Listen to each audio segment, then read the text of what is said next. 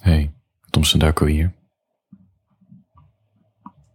Het regent op de achtergrond en ik probeer dat in mijn opnameprogramma, dat je dat niet hoort. Maar soms zou je af en toe toch nog wat horen. Goed verhaal. Hey, voordat je gaat slapen, geef me even een recensie. Please. Ik weet dat het heel irritant is. Mensen op YouTube die zeggen volg me, bla bla bla. Daar gaat het nu niet om. Maar trouwens, je kan me wel volgen op eh, Spotify en Apple. Maar geef me gewoon een recensie. Geef het volle maximale aantal sterren alsjeblieft. Ja, ik weet ook niet waarom. Niet voor mijn ego, maar ja, misschien ook wel een beetje. Maar dat andere mensen zien van, jeetje, deze gast, hier wil ik meer van weten. Dat. Goed. Voor je gaat slapen.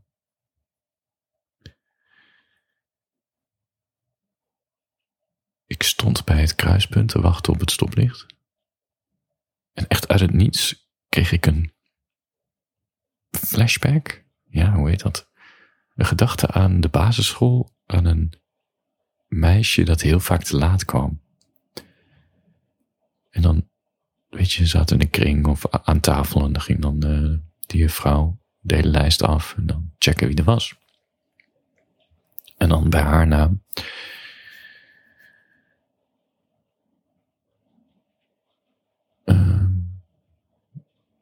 Ze heette Tessa. Volgens mij ging ze op, niet op achternaam, of had ze ook een achternaam? Dat is niet hoe ik zat even te denken. Ze kwam altijd naar mij. Blijkbaar zat, uh, werd alles op alfabetische volgorde op voornaam gelezen. If that makes sense. En ze was de, uh, ja, best wel vaak niet. Ik denk wel echt minimaal, ja, geen idee. Gewoon vaak te laat.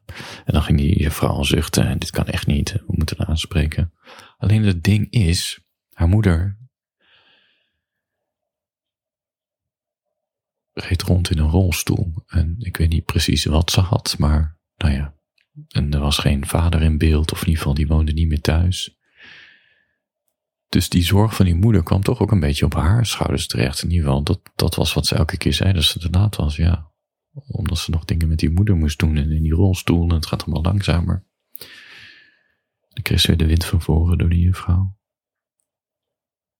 Ja, ik moest er opeens aan denken bij het kruispunt. Gek toch? Hoe dan een luikje in mijn hoofd open gaat. Ik, ik denk nooit aan Tessa.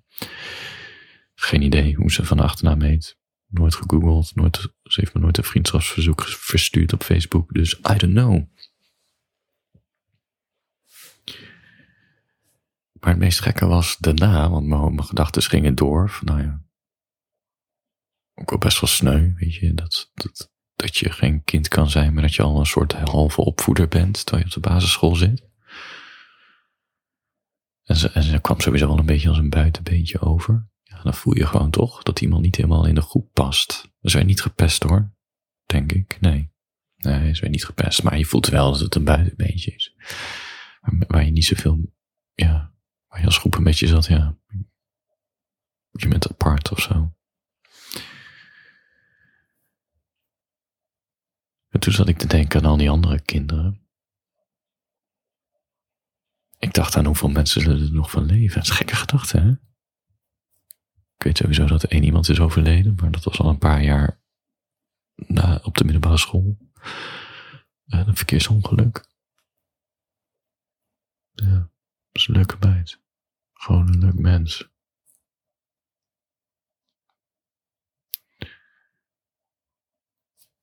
En ik dacht, ja, hoeveel, er gaan nog tientallen jaren volgen, maar. En, en die basisschoolklas, die ga ik waarschijnlijk nooit meer zien. Ik denk ook niet bij een reunie. Ik ben niet zo van de reunie. Maar toch ah, zit het toch een beetje in je hoofd van, ja. Wie zal er leven, wie zal er sterven? Maar dat doet er ook niet zoveel toe. Voor je gaat slapen. Ik weet niet of ik dit al verteld had, maar ik was een jaar geleden in Parijs met mijn beste vriend. We hebben echt als twee wijven de hele nacht in bed op onze hotelkamer zitten, zitten praten. Echt tot vijf uur s ochtends. Zo geen alcohol in het spel. Weet je, we gingen om elf uur al, uh, weet je, zo kapot van al het gewandel. Dat we een lampje al uitdeden, wel trusten zeiden, maar uur s'avonds, maar goed, zes uur later waren we nog aan het praten. Hij, uh, hij zoekt dus regelmatig, eens in de, op de paar maanden, een soort rondje op social media. Dan gaat hij al zijn ex-klasgenoten af, ex-collega's en ex-studiegenoten, om even te kijken wat ze aan het uitspoken zijn in het leven. Gewoon een paar type mensen, mannen, vrouwen. En ik snapte dat niet. Ik zeg, wat hou je in leven? Hij zei, nee, ik hou geen gedachten in leven. Het is ook geen nostalgie. Ik ben gewoon benieuwd.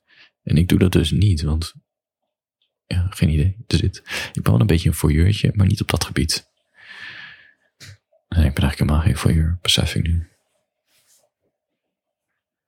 Ja, ik krijg er dus een heel gek gevoel van. Van mensen opzoeken die niet meer in mijn leven zijn. Ook al waren ze gewoon prima. Gewoon afstandelijke klasgenootjes.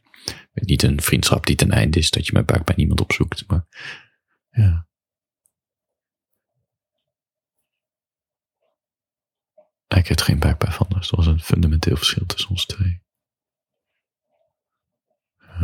Voor je gaat slapen, ik ga een tekstje voorlezen. Het heet De spoken in ons hoofd. Zelfs Google weet niet waar je bent. Het is gek dat je vroeger bijna onzichtbaar in onze klas zat. Zelfs de docenten vergaten soms dat je er was. Alsof je het talent van camouflage bezat. De enige keren dat je iedereen liet schrikken met je bestaan, was toen je uit het niets in de lach schoot tijdens een toets.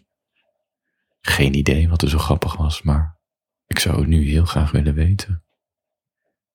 In de vier jaar op school heb ik waarschijnlijk meer dan zeventig klasgenoten gehad.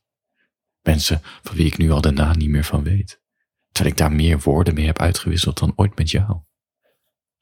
Maar jouw naam is de enige die nog regelmatig in mijn hoofd opkomt.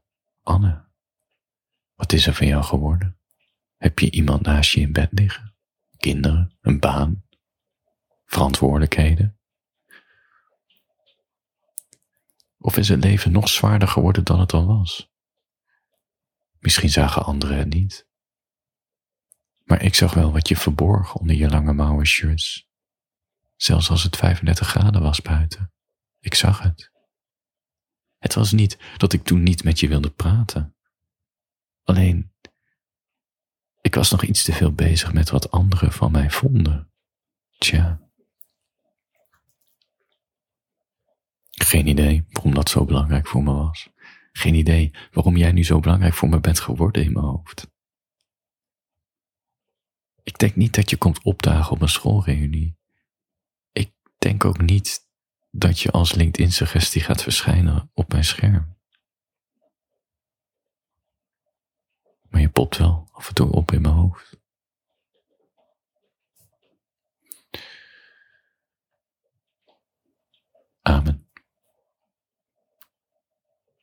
Voor je gaat slapen.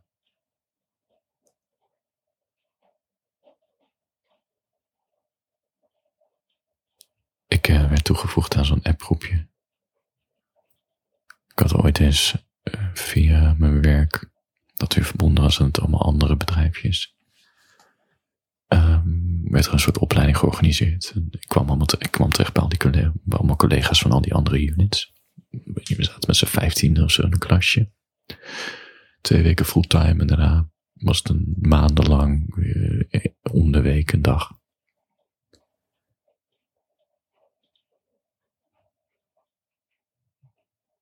En corona kwam de, nou ja, weet je, opleiding voorbij.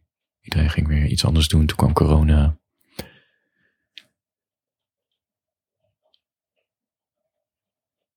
En na corona leek het wel alsof het leven weer een beetje begint op te starten. Dus, ik, dus zij kwamen blijkbaar op het idee om een soort reunie te organiseren, een paar jaar na. Dus ik werd er toegevoegd aan zo'n groep van, van 15 man of 20 man. En ik dacht echt, nee, ik, uh, ik weet, ja, nee, ik weet niet zo goed wat ik eruit moet halen. Dag, prima mensen. Maar ik had geen klik met ze. Gewoon prima, aardige, grappige, lieve mensen. Maar verder niks. Dus ja, dan zit ik daar. ga ik met je zitten opscheppen dat ik nu fulltime schrijver ben. Terwijl ik denk, ja, ik vind het nog steeds ingewikkeld om dat te zeggen tegen mensen. Geen idee waarom.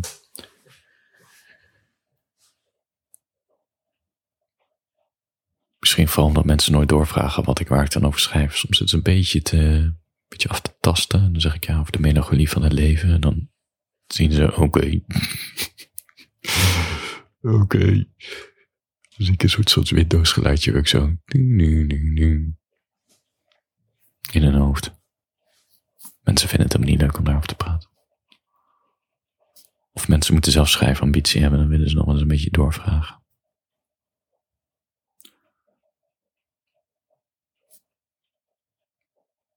En ik weet wat een groep mensen zal doen die zal zeggen: Hé, hey, dankjewel voor de uitnodiging, leuk. Ik, uh, ik zie er vanaf. Gewoon dat je op een nette manier een soort afscheid neemt van die groep en zegt: Ik ga ook uit de groep. Maar ik ben toch een beetje conflict mij. Dus ik dacht: Ik doe gewoon net alsof ik niet besta. Dus ik heb geen enkele app. Ik heb alleen de begin-app uh, gezien. En daarna heb ik het niet meer geopend. Op een dacht ik: Oh, ik kan beter het archiveren. Dus nu zit het ergens in mijn WhatsApp-archief dan kom ik het vanzelf weer tegen. Dat is irritant. Je komt vanzelf weer tegen als je een nieuwe telefoon hebt of, of, of, andere dingen. Dan opeens komt zo'n chatgesprek weer naar boven die je helemaal niet wil zien. Dus ik zou eigenlijk de groep moeten verlaten, maar ja, dat durf ik niet. Want dan zien ze dat ik toch leef en niks heb gezegd. Tot tegelijkertijd iets in mijn hoofd zegt. Sorry, even in niet onderdrukken. Tegelijkertijd iets in mijn hoofd zegt. Maar de fuck maak je druk om? Je wil niet eens naar de reunie komen, maar je gaat nu wel druk maken om het oordeel dat ze over je hebben dan als je de groep verlaat. Terwijl, ja, je ziet ze nooit meer. Ze weten niet wie je bent, wat je doet. Boeien. Vermoeiend, hè? Het hoofd is zo vermoeiend. Dus ik, ik doe gewoon de strijdsvogelpolitiek. Ik, uh, ik doe net alsof ik niet besta. Ik kreeg ook een LinkedIn-suggestie om vrienden te worden van de organisator. heb ik ook maar genegeerd.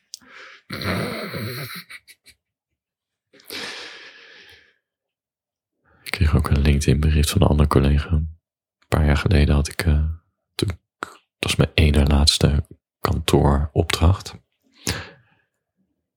Uh, had ik allemaal van die LinkedIn, er waren ooit in het verleden allemaal van die LinkedIn groepen aangemaakt. Er zaten echt duizenden mensen in, uh, in de branche waar, waar ik werkzaam in was. Het was per regio. En dan weet je, dan gaat iemand weer weg en dan gebeurt er niks meer mee. En dan komt zo'n persoon als ik die zegt, nou, ik kreeg je de opdracht van probeer eens even uit te vogelen waar, alles zit. En dan probeerde ik de rechten te krijgen voor iedereen. Dus nu heb ik rechten van allemaal groepen met duizenden professionals. Dus denk ik nog geld waard ook. En nou ja, die, die baan van mij en een teampje wat die verantwoordelijk voor was, het ging allemaal heel chaotisch en reorganisatie. En, uh, dus uh, ja, toen, toen ging ik, ik bleef wel verbonden aan het bedrijf, maar ik ging ergens anders een opdracht doen. Is niet meer op kantoor. Detachering zat ik in, dus ik werd uh, verhuurd.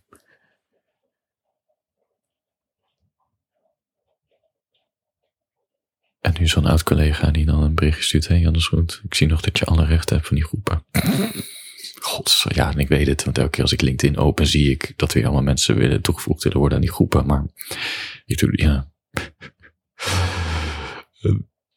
ik heb nu, uh, ik heb het berichtje gelezen. Ik heb nu al weken niet gereageerd. Wat natuurlijk echt niet kan. Oh ja, maar ja, ik moet toch eens een keertje de tijd voor vrijmaken om te reageren. En vervolgens weer te verdiepen in de rechten van die groep. En dat dan weer doorgeven aan iemand anders.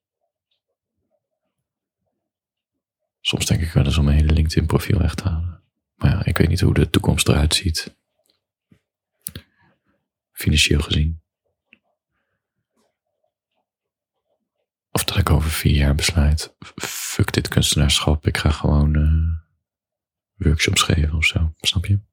Verbonden aan een instituut, dan heb je toch weer LinkedIn, LinkedIn nodig om uh, connecties te maken. Tegelijkertijd denk ik echt, ik stop er gewoon mee. Weg met dat verleden. Ik weet niet wat het is. Ik vind het verleden gewoon iets ook als ik LinkedIn open, zie ik al die mensen waar ik ooit eens een keertje mee heb samengewerkt. En denk, wat, ik wil het allemaal niet weten, want je uitspookt. Het, het, het prikkelt niks in mij. Ik weet ook niet zo goed wat ik ermee moet hebben. Ik gebruik LinkedIn ook niet. Ja, heel af en toe deel ik nog een tekstje over. Over beter schrijven, weet je, dat soort dingen. Maar ja, dan ben ik meer aan het zenden in de hoop dat iemand het ziet. En wat het heeft. Ik weet niet wat ik ermee moet. Het spook in ons hoofd. LinkedIn bevestigt. Laat me continu de spoken uit mijn verleden zien, waar ik helemaal niet meer over na denken. Het is allemaal geweest. Dat op zich ben ik echt de persoon die liever cringe vooruit kijkt dan achteruit. Maar ik denk het echt. Het enige wat mij interesseert, dat zijn de gevoelens die ik had. Dus, dus ik heb een soort database in mijn lijf en mijn geest van gevoelens. En dat hergebruik ik met schrijven om, nou ja, om gevoelens te verwerken. Van schaamte en pijn en geluk. En, maar goed, dat is in zekere zin ook mijn, mijn taak op aarde. Dat uitventen, die gevoelens. Maar de rest. Het boeit me niet. Ik wil ook helemaal niet laten zien wat ik nu uitspook. Ik heb niks bij ze te winnen. Ik, er valt niks. Er valt niks op te scheppen aan mij. Ja, terwijl tegelijkertijd iets tegen me zegt. Thompson, je duikt altijd. Je zit altijd vanuit de schaduw te opereren. Weet je, af en toe zo'n tekstje de wereld in uh, schieten en dan weer snel stoppen. Dus niet kijken naar de reacties, bang dat iemand negatief gaat doen. En als iemand te veel complimenten geeft, vind je het ook allemaal maar ingewikkeld. Dus misschien moet ik juist als een echte LinkedIn-goeroe elke dag gaan vertellen. Vandaag weer een fantastisch schitterend tekstje over de zinloosheid van het leven geschreven. Hier. Ja. Er zijn dagen dat ik me wel zo voel, maar die dagen zijn schaars. Heel schaars.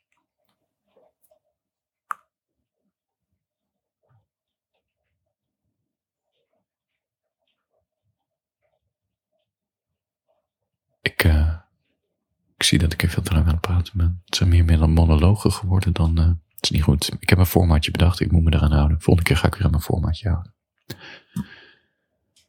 Ik hoop dat je lekker slaapt. Handjes boven de tekens.